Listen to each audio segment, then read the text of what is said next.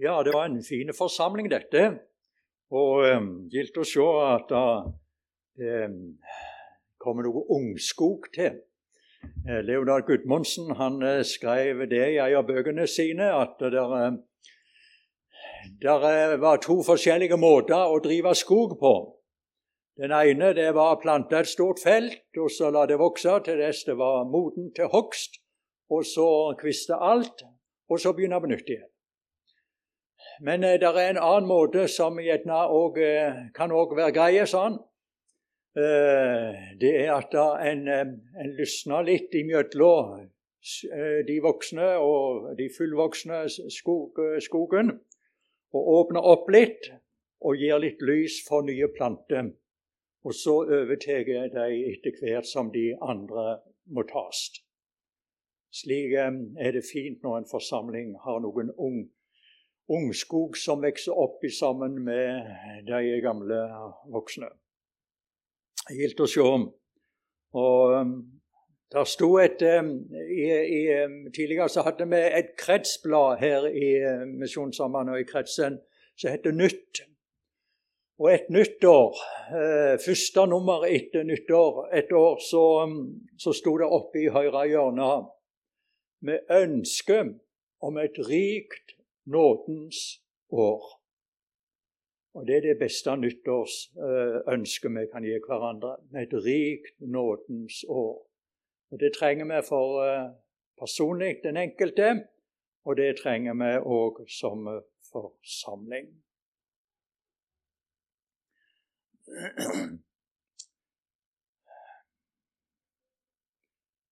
Bestefar til Edel han har skrevet noen sanger. Det er altså far min der, da. Så far Tedel og, og, og jeg var brødre. Og Han har skrevet en sang som brukes ganske mye i, i bedehusland. Og den heter 'Hvor stort min Gud'. Den er kjente og mest brukte. Men eh, den sangen han eh, holdt mest om, og som går djupest, og som jeg eh, sanksjonerer hans syn på, det er 492. Jeg ville gjerne eie ei tru så sterk og stor. Jeg tenkte på når du åpna her. Ville gjerne eie ei tru så sterk og stor Ei tru som kunne synes i gjerning og i ord. Jeg ville gjerne kjenne en fred så djup og still. Jeg ville gjerne hvile for strid i stormen vill. Jeg ville gjerne eie en kjærleik stor og varm, og jeg ville gjerne leve et liv som likner hans. Men nå mitt liv siger sammen, og alt mitt eget verk, da har jeg bare Jesus, og da er trua sterk.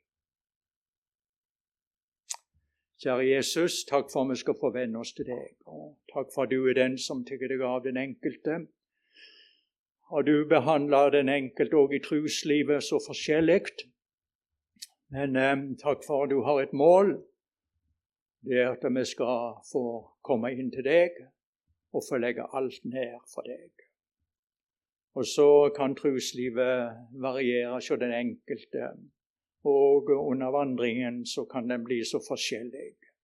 Men vi ber om at vi må få lov til å finne utløsningen i deg, Jesus, og det du har gjort, og få hvile i det. Jeg ber om signing over det som vi skal prøve å bære fram. Og vi ber om din velsignelse over ordet ditt, over den enkelte og over forsamlingen òg her. Amen.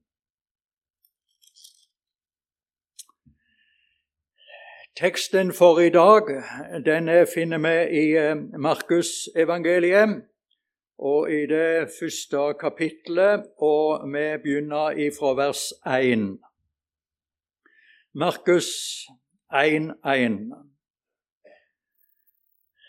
begynnelsen til Jesu Kristi Guds Sønns evangelium, som det står skrevet hos profeten Jesaja. Se, jeg sender min budbærer foran deg. Han skal rydde din vei. Det er en røst av en som roper i ørkenen. Rydd Herrens vei, gjør hans stier rette. Slik sto døperen Johannes' fram i ørkenen og forkynte omvendelsens dåp til syndenes forlatelse. Og hele Judealandet og alle Jerusalem eh, og hele Jerusalem drog ut til ham og de ble døpt av ham i elven Jordan idet de bekjente sine synder. Johannes gikk kledd i kamelhår og hadde lærbelte om livet, og maten hans var gresshopper og vill honning. Han forkynte og sa, Etter meg kommer Han som er sterkere enn jeg. Jeg er ikke engang verdig til å bøye meg ned og løse skoremmen hans. Jeg har døpt dere med vann, men eh, han skal døpe dere med Den hellige ånd. Og, dette, og det skjedde i de dager at Jesus kom fra Nasaret i Galilea og ble døpt av Johannes i Jordan. Straks han sto opp av vannet, så han himmelen åpne seg og ånden komme ned over ham som en due. Og det lød en røst ifra himmelen. Du er min sønn, den elskede. I deg har jeg velbehag.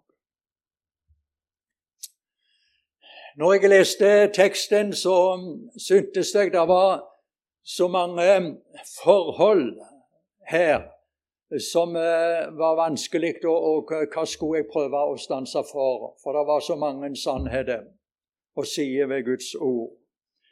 Eh, og, men etter hvert så var det tre, tre sider og forhold som utkrystalliserte seg for meg, som jeg skal prøve å stanse litt for. Og Det første eh, som, eh, som, jeg tenkte på, det var døperen Johannes sitt kall og sitt, sin virksomhet, som vi har leser her. I, går vi 400 år tilbake ifra det vi leste nå, så hadde det vært 400 mørke og vanskelige og tause år i Israel. Det hadde ikke vært én profet som hadde kommet med budskap fra Gud på disse 400 år. Og så sender Gud og velger Gud døperen Johannes allerede fra mors liv.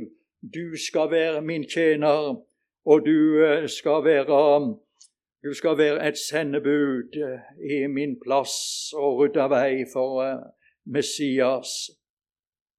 Og så ble Johannes lydige i det kall som han fikk allerede ifra, ifra fosteret av. Men allikevel, når det gjelder Guds kall, så er vi ikke roboter, og det var heller ikke Johannes.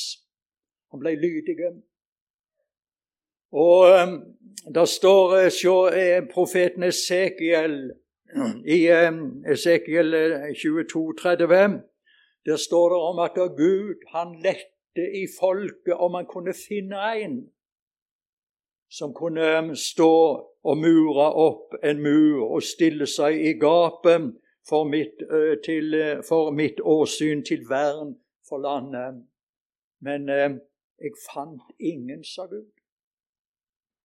Den tida var det ingen som ble lydig. Men Johannes han ble lydig i kallet han fikk, og han ble utvalgt til. Og så skulle han være en veirydder og en forløper, og en som skulle komme både foran i tid for Jesus og føre òg i tjeneste og, og, og virksomhet. Og i vers 7 står det slik Etter meg kommer Han som er sterkere enn jeg. Jeg er ikke engang verdig til å bøye meg ned og løse skorem, skoremmen hans. Han skulle være en veirydder, en budbærer, om han som skulle komme etter han. Og um, han var sitt kall bevisst. Jeg er bare en tjener for han som skal komme. Og tanken om å utnytte posisjonen han hadde fått som forkynner her ute i ørkenen, den, eh, nytta ikke døperen Johannes til kjødelige persondyrkelse over seg sjøl og sin tjeneste. Han eh, hadde rike muligheter for å utnytte det til en maktposisjon i Israel. Men eh, Johannes hadde et edlere sinn. Han hadde et, Jeg syns det var så fint å lese Johannes 3, 29. Den som har bruden, han er brudgommen, men brudgommens venn, som står og hører på ham, er full av glede over å høre brudgommens røst. Denne min glede er nå blitt fullkommen. Brudgommen var Jesus. Bruden var de han vant ved Guds rikes eh, tjeneste, og som Johannes fikk være med og tjene i. Og så står Johannes på sida. Jeg står og gleder meg når folket kommer til Jesus, sier Johannes. Edelt og fint vitnesbyrd om eh, Johannes døyperen sitt sinn. Og det motsatte sinnet det finner vi dessverre i apostelgjerningene, der eh, Paulus møter de eldste i Efesus ved Milet. Og så sier han det til de eldste når han skal ta avskjed med dem. Jeg vet at etter min bortgang skal det komme glupende ulver inn blant dere som ikke skåner jorden. Ja, blant dere selv skal det fremstå menn som fører falsk lære for å lokke disipler etter seg. Johannes hadde et annet sinn, et edlere sinn, og han sier det en annen plass. Han skal vokse, jeg skal avta. Johannes fikk et oppdrag som vekkelsespredikant i Israel. Og den, som, den, som, ropte budskapet, det var Gud, men eh, det var Johannes som fikk være røsten som Gud brukte. Det står slik i vers 3. Det er en, som, eh, en, det er en røst av en som roper. Rydd Herrens vei, gjør hans stier jevne. Og det tjenesten skulle Johannes få lov til å stå i ved å være forkynner i folket, og og um, bruke den, um, den omvendelsesdåp som han praktiserte. I det sosiale livet så er det voldsomt store forskjell på en veiarbeider og en omsorgsarbeider. Og, og når det gjelder Guds rike, så er det stor forskjell på en vekkelsespredikant og en sjelesørger. Men de er nødvendige begge. Og det er stor forskjell på lovens hammerslag, som kan ramme samvittigheten, og på den nådens salve som legges til i et verkende sår når en som har nød, får lov til å tro evangeliet. Vi trenger begge disse delene i livene våre. Vekkerrøsten og salven av evangeliet. Og vi trenger de forsamlingene våre. Og det er et nødvendig arbeid, hos den enkelte og vi må ikke miste vekke røsten. Det er ikke alltid behagelig, men det er allikevel nødvendig. Døyperen Johannes han framtrer her med et himmelsk budskap som går inn i livene til de som hørte han som forkynner. Noen bødde seg for forkynnelsen hans og omvendte seg og lot seg døype, mens andre de tok fatt på veirydderen, som var Johannes. Og til slutt endte han livet av forkynnelsen sin under Herodes. Og så sto Johannes i overgangen fra den gamle pakt og til den nye pakt, og han brukte en, en engangsforeteelse av dåp som ikke er videreført i Bibelen, som kalles det omvendelsesdåpen. Det var en omvendelsesdåp som eh, der det var forutsetning med synsbekjennelse, og um, det som etterfulgte, og av tilsigelse av syndenes forlatelse. Omvendelse, det er ikke nyttårsforsett. Det er heller ikke karakterdannelse og moralsk oppslutt, opp, opp, opprustning. Den har ei ytre ramme som gjelder livet. Det lov, det må vi få lov til å, um, ha som mål og ha som, eh, som, standard i et kristen forsamling og et kristent liv. Men eh, det er de ytre rammene. Men eh, omvendelse, som, som Johannes her sto i, det er først og fremst sinnsforandring. Sinnsforandring. Det det er der ei ytre ramme, men det er alt det kommer innenfra. Sakkeus han tok et oppgjør med livet sitt. Han ble ikke den samme på tollbua. Det ble andre innkrevinger i pengesaker etter Sakkeus møtte Jesus. Visst hadde det det, men eh, det var noe som var skjedd på innsida hos Sakkeus. Har jeg gjort urett, har jeg presset penger ut av folk, så skal jeg ordne det opp igjen. Det var et sinn som var født her inne, som fikk frukter for livet. Og det er det som er egentlig omvendelse. Det er sinnsforandring. Og Peter skriver det til sine Fatta et annet sinn og omvend dere, så deres synder må bli utslettet. Og det er bare Gud, Guds ånd som kan skape den sinnsforandring. Og vi trenger å be som Israels folk òg ba i den gamle pakts tid. Omvend meg, du Gud, da blir jeg rett omvendt. Det er bare Gud som kan skape dette. Det var litt om eh, Johannes' virksomhet og kall. Og det andre forholdet som jeg tenkte litt på, som jeg bør si litt om, det er Jesu dåp. For når Johannes sto i virksomheten her, og det var vekkelse, og det var liv, og det var syndsbekjennelse, og det var tilgivelse, så um, kom Jesus òg der.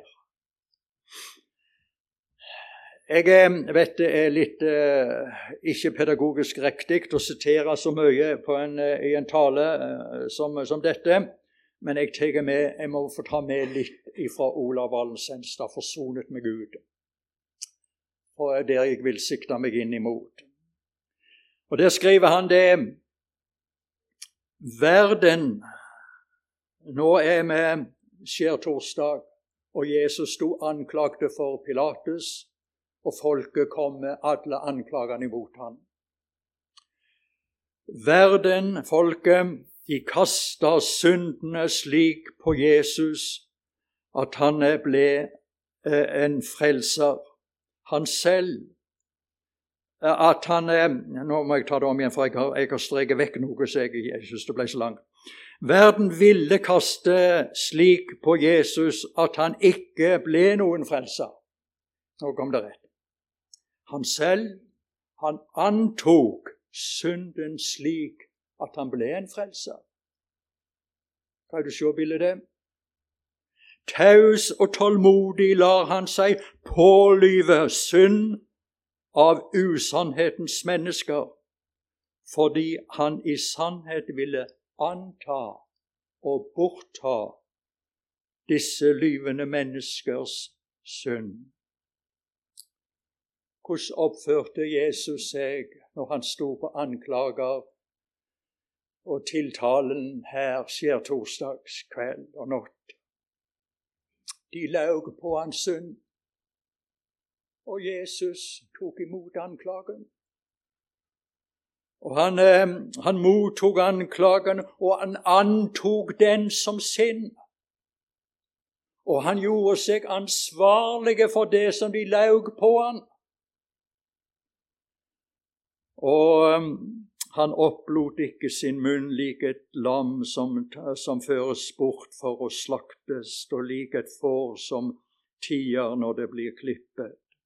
Han stilte seg ansvarlige for det som de laug på ham, for han skulle være frelseren. Han skulle være stedfortrederen. Og så stilte han seg sammen med de som hadde noe å ta et oppgjør med livet sitt, i kø for Johan, døperen Johannes. Der de bekjente syndene sine, og der felte Jesus seg inn i den køa. Fordi han hadde antok, mottatt og antatt og gjort seg ansvarlige for uh, syndene til de som sto der. Og Johannes ser han. Feil kø, Jesus. Du har ikke til her. Jo, sa Jesus, for bare slik kan vi, er det riktig av oss å fullføre all rettferdighet. Og la det nå skje. Og så felte Jesus seg inn i den køen som trengte et oppgjør med synd. Og så blei han ein, ikke bare ein som felte seg inn i sammen med de som var i syndenød, som med, med, med medlidenhet og solidaritet. Men han felte seg inn i den køa og bekjente de samme syndene som de bekjente. Og så antok han deres synd som sier.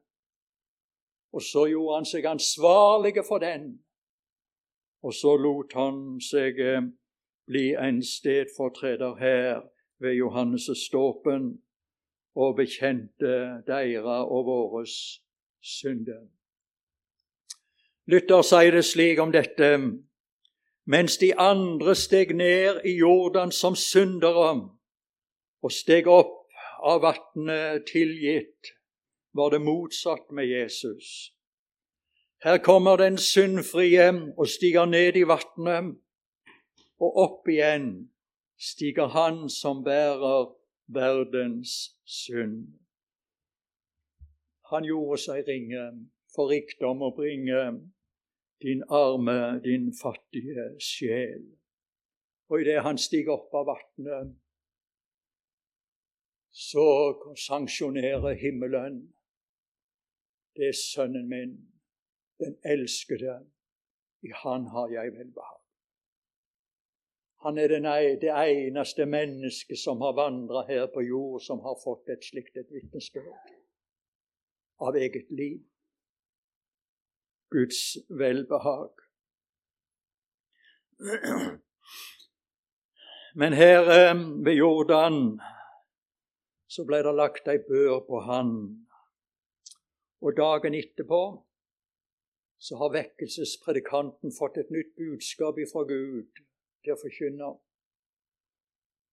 Så ser han Jesus komme, han som han hadde døypt til eh, til, til, til omvendelsesdåpen.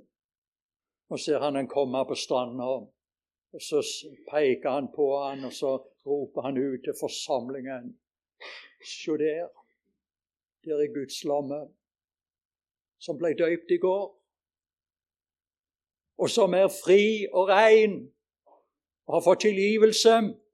Nei, så der er Guds lamme som kommer, og nå bærer han verdens synd.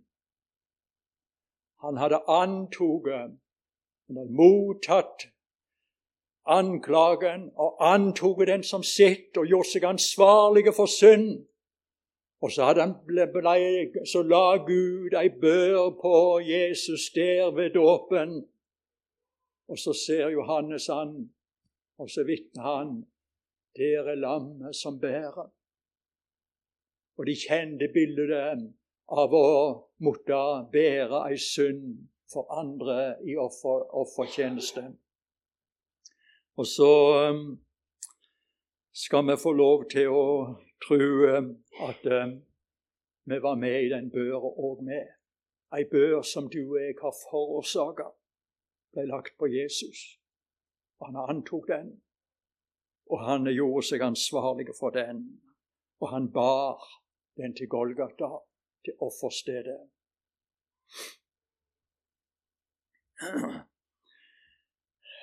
Johannes han måtte være, skulle være en veirydder for eh, dette arbeidet med å bringe Jesus inn til folket. Og når jeg leste det, så kom, til, kom jeg til å tenke på et annet veiarbeid som det står om i Det gamle testamentet. Det, er, det var i forbindelse med opprettelsen av de seks fristadene i eh, Israel når de kom inn i landet. Det skulle være seks byer, tre på hver side av Jordan, som skulle være fristader. Og de fristadene var det en spesiell forordning, og Gud bestemte lova ved at den som hadde forgått seg og synda, den kunne ryme til disse fristadene og ryme bort ifra blodhevneren, og han kunne finne frelse og frihet og, og hjelp der, og vern. Og Så fortelles der det at inntil de fristadene de skulle ikke være gjemte i ei krå langt ute i ørkenen. De skulle være midt i folket. Og Så sier Gud det òg slik at du skal gjøre veiene til dem i stand, og skifte ut hele det landet som Herren din Gud gir deg i arv i tre deler for at hver drapsmann kan flykte dit. Og Det fortelles de fra jødiske ordninger eller jødiske tradisjoner at disse veiene inn til fristadene de skulle merkes, slik at den som hadde forgått seg og hadde synda ved et mord, f.eks., han kunne finne veien og ryme inn til disse fristadene og så ba Gud gjør veiene i stand, rydd veien, slik at folket kan finne inn til fristadene. Og Gud har åpna en fristad for oss i Kristus, og den eh, fikk Johannes vitne om, og den skal vi òg få lov til å forkynne for hverandre. Og vi skal òg eh, få lov til å vinke noen flere inn. Ved omvendelsens eh, ryddearbeid inntil hjertene hos folket. Det skal forkynnelsen og arbeidet i Guds rike være et ryddearbeid. En veirydder, sier Johannes. gir veien inn til fristaden i stand. Og så trenger vi, å, trenger vi at Gud får rydda noe i våre liv, for at Han kan komme inn og så ber han òg oss om å rydde og gjøre i stand veien inn til fristatene. Og jeg har litt eh, nød for mitt eget liv, om at jeg ikke må være en som stenger veien for andre som vil inn til fristaten. Men at da det kan være et vitnesbyrd om hvor du sjøl har funnet friheten og frelsen. Og du kan òg få lov til å lede noen videre inn til den samme plassen. En som eh, vinker andre inn til veien til fristaten og være en veirydder i så måte. Og når vi kom inn i det fristaten og inn i det samfunnet med Gud, så fikk vi ikke trelldommen sånn så dere igjen skulle frykte, men dere fikk eh, barnekårets ånd som eh, roper 'Abba, far. Det siste forholdet som jeg tenkte på, det var det som står i vers 8. Jeg har døpt dere med vann, men eh, han skal døpe dere med Den hellige ånd. Billy Graham skriver i en av bøkene sine om at han var på et friluftsmøte i California, og en eh, eldre sørstatspredikant talte med, med engasjement og, og, og funn og klem. Og I um, talen så ropte han ut i store forsamlingen og pekte på noen personer. Og så spør han er du åndsdøpt. Og den personen reiste seg opp. Ja, priser Gud. Og neste person. Og um, til sist så peker han òg på Billy Graham. Ungdom var han. Så spør han Billy Graham er du åndsdøpt. Ja, sier Billy. Og så tok han et tilleggsspørsmål til han som han ikke gjorde til de andre, som han var trygge på. Så spør han eh, sørstatspredikanten når skjedde det? Det skjedde når jeg ble omvendt, og når jeg ble frelst, sa Billy. Han ble forfjamsa. Sa litt med seg sjøl kan det gå an? Det kan ikke skje. Men eh, Billy Graham fikk lov til å tro at den dagen han ble omvendt, han fikk liv i Gud og samfunn med Jesus, den dagen eh, fikk han òg Guds ånd. Løftet om eh, åndens dåp som det tales om, som Johannes nevnte om her, det oppfyltes pinsedag. Og det stadfestes i den enkle troendes liv ved at Gud gir oss ikke ei ånd som er trelldommens ånd, så dere igjen skulle frykte, men dere fikk eh, barnekårets ånd, som roper Abba, Far. Bare noen eh, par skriftsteder eh, vil jeg vi skal lese i forbindelse med det som har med dette å gjøre. I Efeserbrevet 1,13 står det slik som, eh, som eh, Billy Graham hadde god ryggdekning i når han sa det han sa. I ham har dere, også dere, da dere fikk høre sannhetens ord, evangeliet, om deres frelse, ja, i ham har også dere, da dere kom til troen, fått til innseil Den hellige ånd som var oss lovet han som er pantet på vår arv inntil eiendomsfolkets forløsning til pris for Guds herlighet. Da dere hørte evangeliet, fikk dere til innseil Den hellige ånd. Og um, vi tar med oss òg um, 1. Korinterne 12, 13. For med én ånd ble vi alle døpt til å være ett legeme, enten vi er jøder eller grekere, treller eller fri, og vi har alle fått én ånd å drikke. Åndens oppgave er å herliggjøre Jesus for hjertene våre. Så skriver Odd Sverre Hove i Dagen på fredag i gjennomgangen av preika, så begynner teksten vår med en røst i ørkenen og slutter med en røst fra himmelen. Begge peker på Jesus. Det er han forkynnelsen og Ånden og Ordet skal peke på, og vi må finne trøst i hvordan livet vårt, den enkelte, måtte leves, og hvordan truslivet òg måtte være. Siktemålet er at vi føres inn til Kristus. Og det er Han som skal ha takken, og Han som skal ha æren her i livet og i evigheters evighet. Amen.